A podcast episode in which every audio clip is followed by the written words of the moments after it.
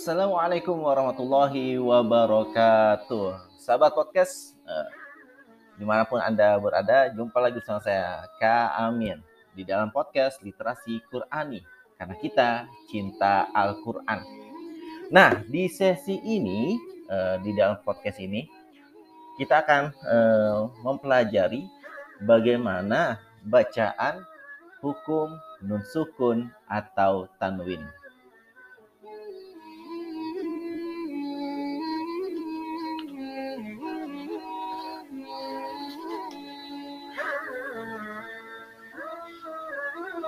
Ya, sahabat podcast, di dalam baca Al-Quran, tentunya kita harus membacanya sesuai dengan kaidah tajwid. Ya, harus sesuai dengan kaidah tajwid. Nah, salah satu hukum bacaan yang sangat penting untuk dipelajari adalah mengenai hukum nun sukun atau tanwin. Hukum nun sukun atau tanwin. Nah, sahabat podcast, hukum nun sukun atau tanwin ini terbagi menjadi lima. Nah, yang pertama yaitu ada izhar halqi, ya, izhar halqi, atau kita lebih mengetahuinya yaitu bacaan izhar. Berikutnya ada idgom bigunnah ya idgham bi selain idgham bi ada juga idgham yang lain yaitu idgham bila gunnah. Nah sering kali uh, hukum idgham ini dijadikan satu. Hanya saja ada cabangnya.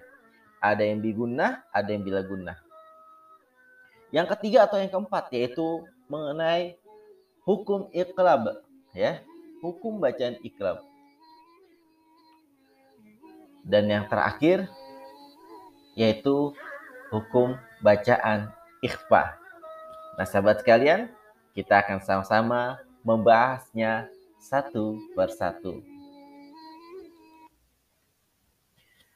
Nah, sahabat podcast, setelah kita mengetahui hukum nusukun atau tanwin terbagi menjadi empat bagian atau lima bagian, maka kita akan mengetahui, mencoba menggali lebih detail, ya, lebih detail mengenai hukum bacaan tersebut. Yang pertama adalah hukum bacaan izhar. Hukum bacaan izhar.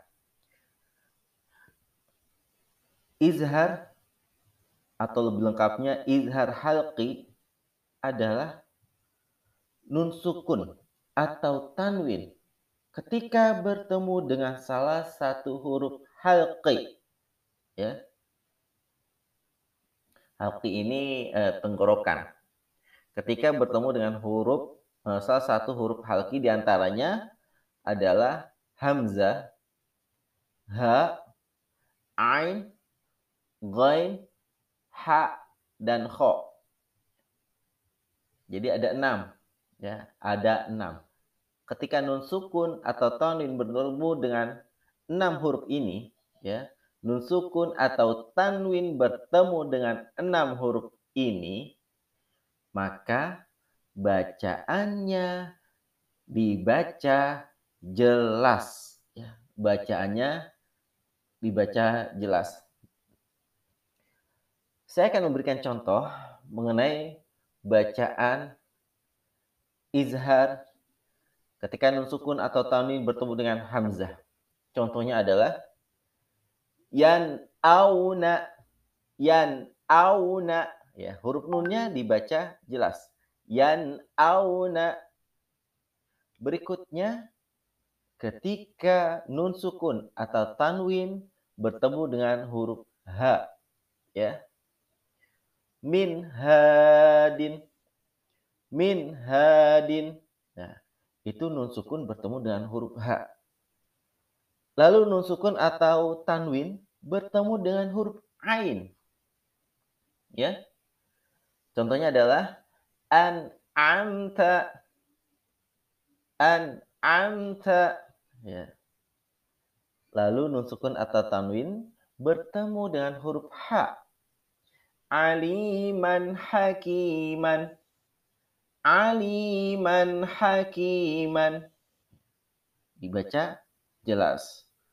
Kemudian nun sukun atau tanwin bertemu dengan huruf kha. Yauma idzin khashi'atun. Yauma idzin khashi'atun. Ya. Dibaca jelas. Dan berikutnya adalah nun sukun atau tanwin bertemu dengan huruf ghain. Ya. Nun sukun atau tanwin bertemu dengan huruf ghain. Azizun ghafurun. Azizun ghafurun. Ya. Semuanya itu dibaca jelas. Sahabat podcast juga dapat mencoba di rumah mempraktekkan ketika nun sukun atau tanwin bertemu dengan enam huruf tadi. Bertemu dengan enam huruf tadi, yaitu eh, bertemu dengan huruf hamzah, ha, ain, ghain, ha, dan kho. Ya. Yang kesemuanya itu dibaca jelas. Lalu selain izhar, ada juga idgom. Ya, idgom. Nah, idgom terbagi dua. Ada yang bigunnah dan ada yang bila gunnah. Yang bigunnah itu artinya dibaca dengung. Ya. Gunnah itu mendengung. Ya. Sedangkan bila, bila, ya, bila gunnah itu tanpa dengung. Ya. Kita akan bahasnya yaitu dari idgom bigunnah terlebih dahulu yaitu bacaan nun sukun atau tanwin ketika bertemu dengan salah satu huruf ya nun mim dan waw. Cara membacanya dimasukkan dan didengungkan. Masuk dan dengung. Nah ini idgom bigunnah ya. sahabat bisa mengikuti uh, bacaan saya mengenai bacaan idgham bigunnah. Man yaqulu Man yaqulu Silakan dicoba. Ya. Man yaqulu ya huruf nun masuk ke huruf ya. Dan ketika masuk itu didengungkan mayyaqulu atau contoh yang lain. Wailu yawma idzin wailu yawma idzin nah, itu sama masuk dan dengung. Lalu berikutnya nun sukun bertemu dengan nun. Ya nun sukun bertemu dengan nun juga nun bertemu dengan nun ya. Yang satu sebelumnya huruf nunnya sukun yang nun berikutnya bertasydid ya. Contohnya adalah min ni'matin min ni'matin. Ya, sahabat dapat mencoba? Ya baik. Berikutnya juga uh, tanwin bertemu dengan huruf nun bertasydid يومئذ ناعمة يومئذ ناعمة sahabat mencoba dapat mencoba juga di rumah ya yauma'idzin na'imatun berikutnya adalah nun sukun bertemu dengan huruf mim bertasydid ya min mahisin. Min mahisin. Ya. Lalu berikutnya tanwin bertemu dengan mim bertasydid rasulun mubinun. Rasulun mubinun. Dan idgom bigunnah yang terakhir adalah huruf waw nun sukun bertemu dengan huruf waw bertasydid. Mawujida mawujida dan tanwin bertemu dengan huruf waw. Zajratun wahidatun Zajratun wahidatun Nah, keempat ini adalah bacaan atau keempat huruf ini adalah yang termasuk di dalam hukum idgham bigunnah. Manakala nun sukun atau tanwin bertemu dengan huruf keempat huruf ini, yaitu huruf ya, huruf mim, huruf nun, dan huruf waw.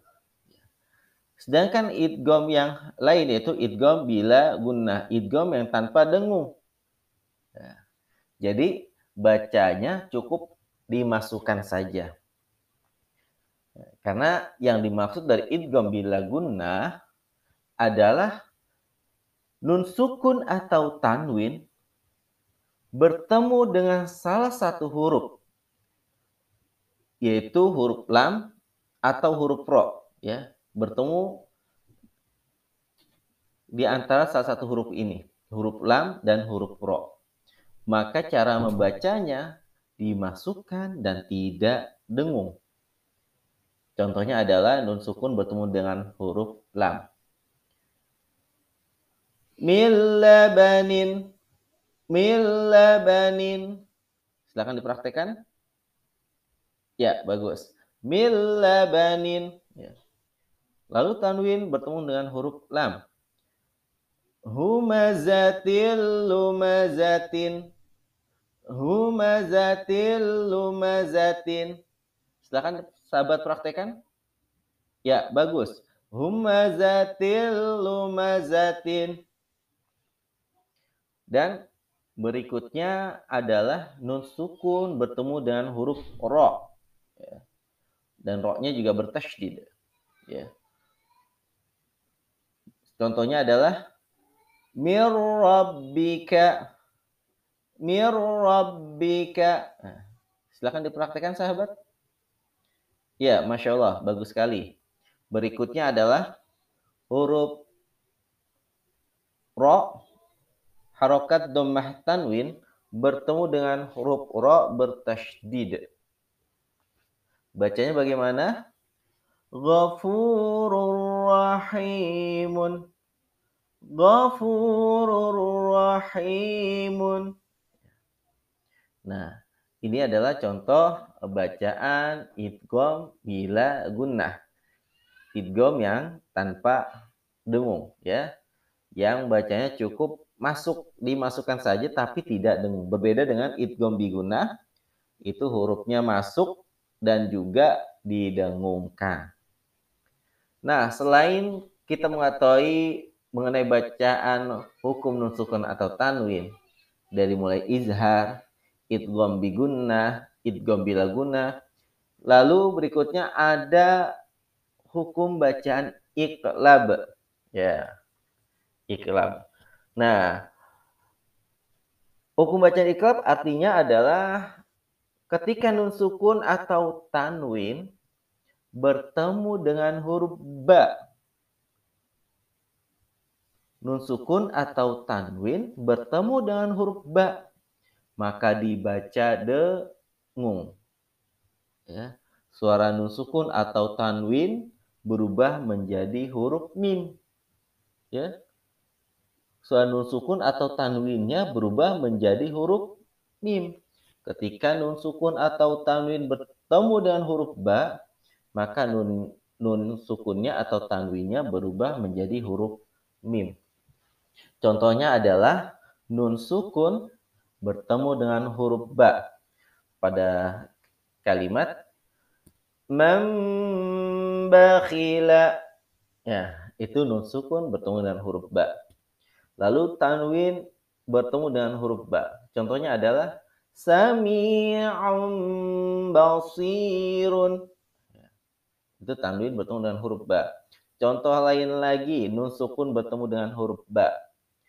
Mim ba'din. tanwin bertemu dengan huruf ba. Baghyam bainahum. Berikutnya nun sukun bertemu dengan huruf ba kembali. Ambiuni. Dan tanwin bertemu dengan huruf ba. Syiqaqim ba'idin. Nah, itu adalah hukum bacaan iqlab ya. Dan yang terakhir adalah hukum bacaan ikhfa. Ya. Apa saja hukum bacaan ikhfa? Ya. Hukum bacaan ikhfa artinya adalah nun sukun atau tanwin bertemu dengan salah satu huruf ikhfa. Apa saja itu huruf ikhfa? Nah, jumlahnya ada banyak. Kalau ikhfa ini jumlahnya ada banyak. Ada 15. Ya, ada 15 huruf. Ya. Sahabat dengarkan baik-baik hurufnya apa saja yang termasuk huruf-huruf ikhfa. Di antaranya adalah huruf ta. Huruf ta.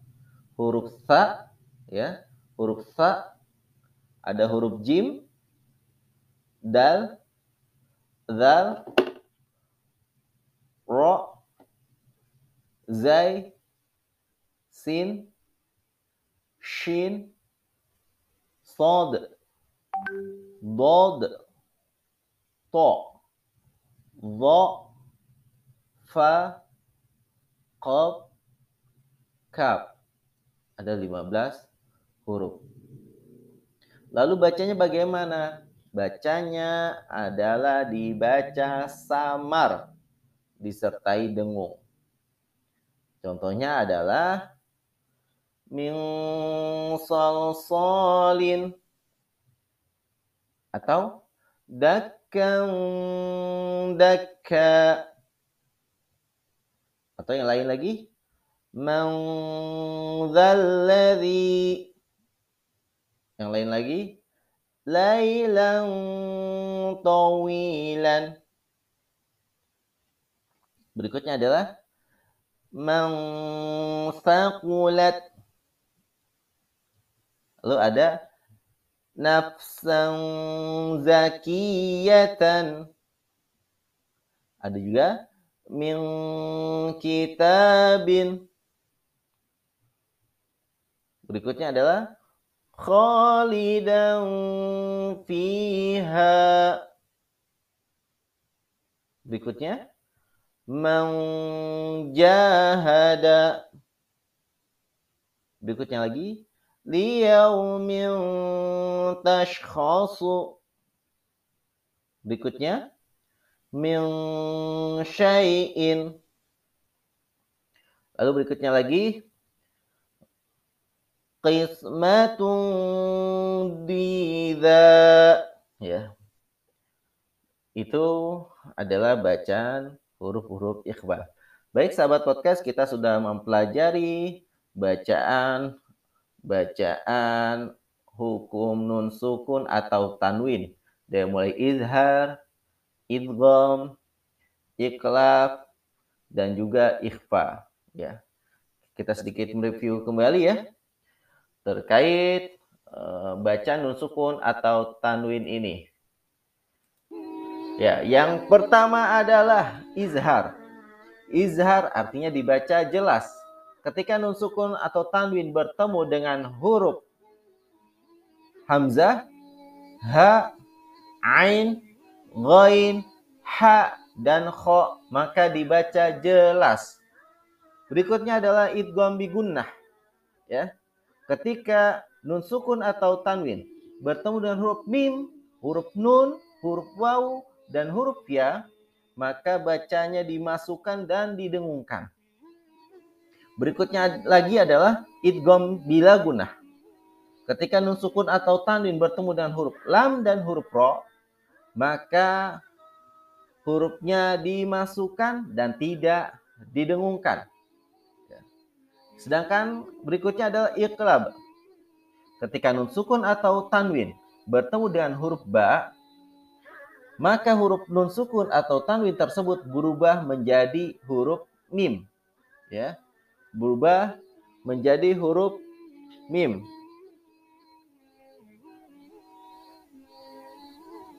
Dan berikutnya adalah ikhfa. Ketika nun sukun atau tanwin bertemu dengan huruf ta, sa, jim, dal, za, ro, zai, sin, uh, sod maksud. Dod, shin, to, wo, fa, qaf, dan kaf. Maka bacanya samar dan disertai dengung. Baik sahabat, itulah hukum nun sukun atau tanwin yang sudah kita ketahui bersama dan sahabat bisa mempraktekkan dengan mencoba membaca surat Al-Baqarah ayat 18, 19, dan 20. Selamat mencoba. Assalamualaikum warahmatullahi wabarakatuh.